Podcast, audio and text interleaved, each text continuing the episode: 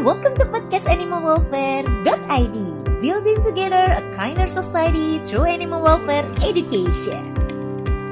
Podcast ini adalah podcast edukasi berbasis prinsip kesejahteraan hewan Berisi tentang tips dan tips yang berguna untuk hewan peliharaan, manajemen shelter hewan, adopsi, dan kepemilikan hewan yang bertanggung jawab Yuk kita dengarkan episode menarik ini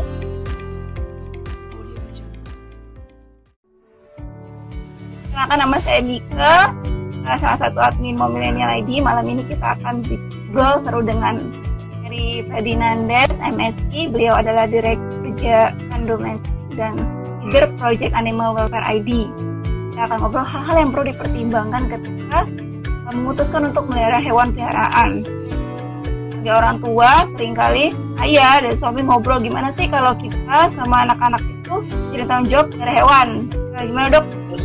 Itu adalah yang baik niat baik dan kita juga apresiasi ya. Kita akan sarankan banget kalau teman dia untuk mengadopsi daripada membeli pemeliharaan karena banyak kampungan rumah-rumah sehingga hewan yang sangat-sangat membutuhkan dokter ya. Sehingga mereka juga bisa dapat menyelamatkan hewan lainnya gitu ya. Banyak sekali yang membutuhkan bantuan dan membutuhkan tempat tinggal. Yang sebenarnya dipertimbangkan mungkin kita coba dalam 3 sampai 4 checklist ya dari yang bisa dikembangkan oleh teman luar sana saat keluarganya memutuskan melihara hewan peliharaan. Sebelumnya tadi sempat ditanyakan ya motivasinya sebenarnya kalau misalnya dari tis dokter Mika sampaikan bahwa adalah ingin menjarkan sikap tanggung jawab pada keluarga gitu ya. Kita garis bawahi bahwa dalam memelihara hewan peliharaan sebenarnya tidak hanya akan memberikan efek atau juga memberikan pelajaran sikap tanggung jawab terhadap makhluk hidup lain di animalwelfare.id juga memiliki keinginan atau juga memiliki motivasi untuk mendirikan program animalwelfare.id ini adalah building kinder society jadi bangun masyarakat yang lebih baik yang belas asih compassion ya.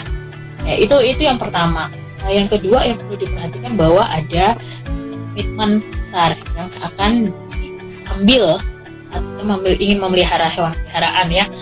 Tadi bahas sebelumnya itu adalah bagaimana uh, memelihara hewan sepanjang hidup hewan tersebut. Misalnya kita bicara tentang spesies anjing dan kucing ya, umum dipelihara dan kita juga sarankan untuk dipelihara adalah mereka memiliki lifespan atau umur dengan jangka waktu sekitar 15 sampai 20 tahun ya. Jadi artinya kita harus mempersiapkan budget kita, terutama finansial kita akan menjadi budget selama 15 sampai 20 tahun ke depan sejak usia hewan tersebut. Ya apa saja itu ya kita dalam rumah tangga kita punya budget keluarga, budget kebutuhan budget peliharaan juga merupakan budget kebutuhan pokok. Apa saja makanannya, obatannya, misalnya ada vaksinasi, sterilisasi, kemudian ada pengobatan rutin tahunan, Terus kita harus pastikan uh, makanan yang diberikan bukan makanan sembarangan, tapi makanan dengan nutrisi yang dengan kualitas yang bagus. Mencegah adalah lebih baik daripada mengobat. Namun kalau memberikan uh, makanan berkualitas yang baik, nutrisi yang cukup, semuanya juga akan lebih sehat dan tidak akan rentan terhadap penyakit. Juga divaksinasi dan segala macam. Jadi uh, itu akan menjadi kebutuhan pokok loh. Jadi bukan hanya untuk satu bulan, dua bulan saat mereka lagi lucu, tapi sampai usianya sangat tua gitu ya.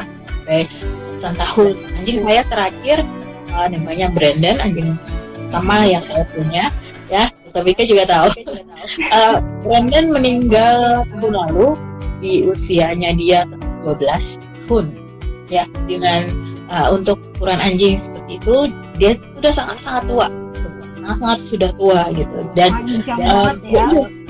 sepanjang itu saya harus ber, uh, bertanggung jawab, berkomitmen gitu ya untuk mensupport uh, semua kebutuhan Brandon gitu. Almarhum Brandon anjing saya ya, dari nya tiap rutin, lalu pengobatan dan semakin tua dia semakin sering. Itu karena sisi waktu itu rumah uh, berbeda. Uh, jadi kita harus rutin memanggil dokter hewan. Uh, terima kasih kalau misalnya ada dokter Maricek itu di sini adalah dokternya Brandon yang sangat-sangat kami sangat apresiasi bantuannya sampai di menit-menit terakhir. Uh, Brandon uh, akhirnya meninggal. Nah, sangat sudah sangat-sangat tua. Gitu. ada dokter Marce yang kita hampir waktu saat itu ya. Bisa sampai uh, dua minggu sekali harus memanggil dokter Marce untuk terapi suportif gitu ya. Nah, untuk anjing kami Brandon ini. Nah uh, itu adalah salah satu ya yang harus kita consider gitu. Dan itu juga harus dijadikan pemahaman yang sama bahwa untuk pada keluarga. Misalnya suami istri anak bahwa ini adalah komitmen seumur hidup ya teman-teman ya untuk teman-teman dan berkeluarga keluarga gitu. Kita tidak uh, saat kita melakukan komitmen kita tidak boleh lucu aja. Bisa yang pas uh, dia sudah tua atau dia berpenyakit kita buang. Nah itu secara moral sudah salah kan? Itu juga tidak uh, menunjukkan bahwa kita berbuat hal yang benar kan? Nah analogikan kembali kita bisa berikan edukasi. Kita juga nggak mau kan kalau misalnya kita pelihara saat kita baik kemudian saat punya masalah kita ditinggalkan kita juga tidak ingin seperti itu. Kita berikan analogi yang semudah sesederhana yang bisa mereka terima. Dan selanjutnya adalah yang yang harus diperhatikan kesesuaian lifestyle atau gaya hidup anggota keluarga dengan hewan-hewan peliharaan. Misalnya ternyata jadi keluarga itu sangat aktif ya tidak ada waktu di rumah gitu. Kita juga akan uh, jangan jangan mengambil hewan yang memiliki kebutuhan untuk interaksi intens uh, dan juga memiliki energi level tinggi. Misalnya kayak memelihara uh, anjing maksudnya anjing usia muda terus dia uh, punya ras-ras tentu kan memiliki energi level yang cukup umum misalnya kayak husky itu levelnya level energinya tinggi banget jadi tidak mungkin dipelihara jika tidak punya waktu sama sekali, tidak ada pemilik dalam rumah sepanjang hari. Oh itu tidak untuk tidak dikurung ya dok ya. ya Karena jadi itu bukan untuk dikandangin terus kita tinggal nggak begitu kan jadi. Benar-benar gitu. Jadi kan kita harus level cek ada kan kesejahteraannya dia ya. Nah, hmm, kalau seperti itu, uh, jadi kalau kita memelihara hanya untuk mengandangkan itu juga masuk kategori penyiksaan teman-teman. Itu juga perlu tahu bahwa walaupun itu sepertinya kayak oh hewan peliharaan tapi hewan peliharaan juga ada hukumnya loh. Ada hukum yang melindungi mereka di Indonesia. Ada KUHP ada pidana yang melindungi mereka tiga dua terus juga ada undang-undang kesejahteraan hewan sendiri. Yang nomor 18 juga uh, beberapa peraturan-peraturan lainnya yang akan melindungi hewan. Jadi juga banyak sekali kan uh, pengamat dan organisasi penyelamat satwa yang akan sangat uh, concern dan peduli uh, jika ada kasus-kasus penyiksaan. Jadi nelantaran itu termasuk bentuk penyiksaan. Belum kita melakukan dan memberikan uh, apa namanya memutuskan komitmen itu harus pastikan kita mampu nih agar kita mampu kita match dengan energi level dan kebutuhan dasar dari si hewan-hewan peliharaan. Mungkin bisa kita saja misalnya kayak uh, kucing ya, yang bagaimana, yang bagaimana. Nah, itu juga perlu didiskusikan karena sebelum memutuskan melihara ya do your own research gitu. Uh, riset sebanyak-banyaknya terhadap klon hewan yang ingin Kira-kira begitu. Kayak analoginya tuh ketika kita melihara hewan, kayak kita tuh kayak ngangkat anak ya dok ya. Kita harus ini bukan untuk sembarangan gitu jelasinnya. Jangka panjang bukan untuk pas saat kamu lucu-lucunya gitu kan. Sukanya gitu pas main anak yang top. Kita tuh anak karena kucing yang lucu yang rambutnya panjang ternyata itu dikasihnya makannya nggak sesuai dengan kebutuhan. Udah bulukan dibuang. Ya banyak Bener. seperti itu ya dok. Jadi kan jangka panjang berarti kita siapkan budget misalnya eh, sesuaikan dengan keluarga gitu. Saya tanya aja sih hewan yang bisa kita pelihara dok. Nah banyak nih kalau misalnya saya ke mana? Ide gitu. Banyak uh, binatang-binatang lucu dan kayaknya pengen diangkut aja tuh dok gitu. Mungkin teman-teman dan ibu-ibu yang nontonnya perlu tahu karena nggak ini nggak semua hewan itu kayak bisa kita pelihara dok. Menurut dokter yang mana Oh, well, kita kembali kepada mereka ya di domestikasi di hewan-hewan domestik yang boleh kita pelihara.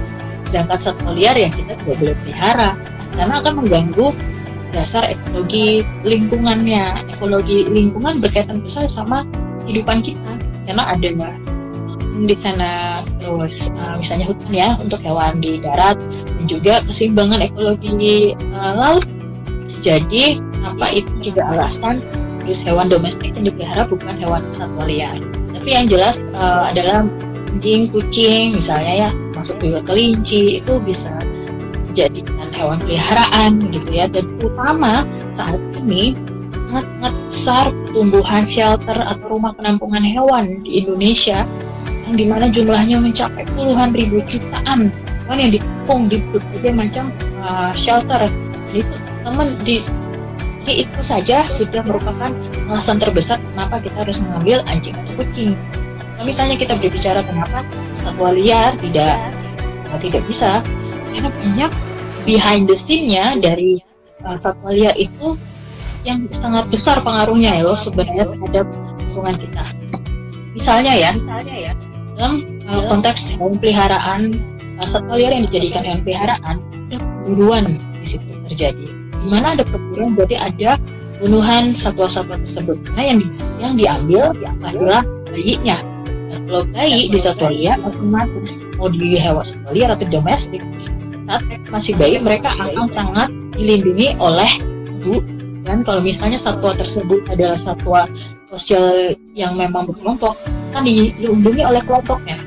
Jadi untuk mendapatkan satu bayi adalah satu kelompok satu ibu harus mati supaya bisa diambil di situ kemudian dijual dan diperdagangkan di pasar hewan bahkan malah dipromot di Free Day gitu atau acara komunitas komunitas ya sudah ilegal dan itu sudah kalau kita melakukan itu kita berpartisipasi dalam persetan tersebut gitu. kita tidak support atau mendukung dagangan dan perburuan dan pembunuhan dari satwa tersebut untuk bisa kita jadi pelihara. Maksud selanjutnya adalah kita juga ber, berpartisipasi dalam penyiksaan. Hampir semua dan rata-rata satwa liar akan patahkan giginya.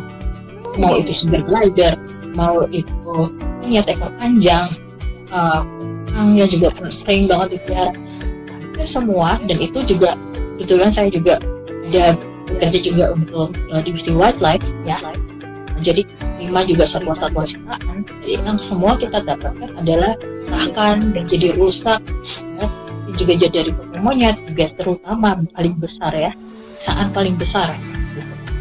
Jadi uh, itu uh, adalah kesekian banyak gitu ya dari kenapa kita nggak boleh.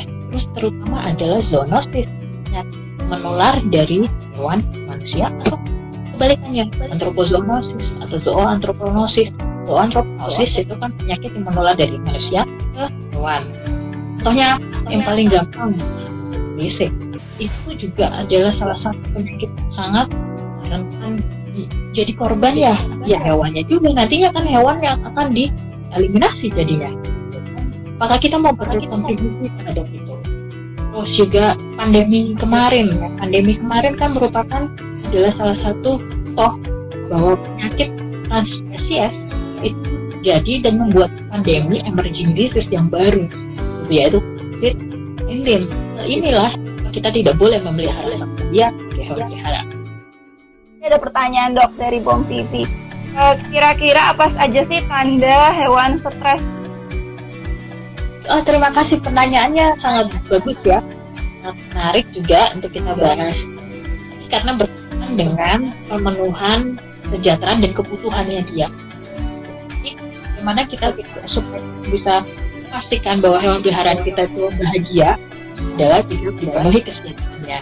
Bagaimana kita tahu dia bahagia atau sejahtera adalah jika dia menunjukkan salah satu kesejahteraan hewan adalah or appropriate mental state gitu, atau kondisi mental yang baik gitu ya ini sama seperti kita di manusia di psikologis manusia di kebutuhan manusia sebagai makhluk sosial nah itu adalah kebutuhan spesies. Seperti hewan peliharaan setiap spesies memiliki kebutuhan tingkah laku sosial yang berbeda. Anjing memiliki kebutuhan sosial sebagai hewan yang kelompok. Jadi dia butuh sebagai manusia tindak sebagai pemimpin kelompoknya dia. Dan dia harus merasa ada di dalam kelompok. Karena tapi kucing merupakan hewan yang soliter, lewat komunal ya. Jadi dia hidup sendiri, dia tidak akan reflect ya. Itu. kebutuhannya jadi perbedaan kebutuhan spesies saja itu sudah sangat mempengaruhi bagaimana pemenuhan kesejahteraan hewannya.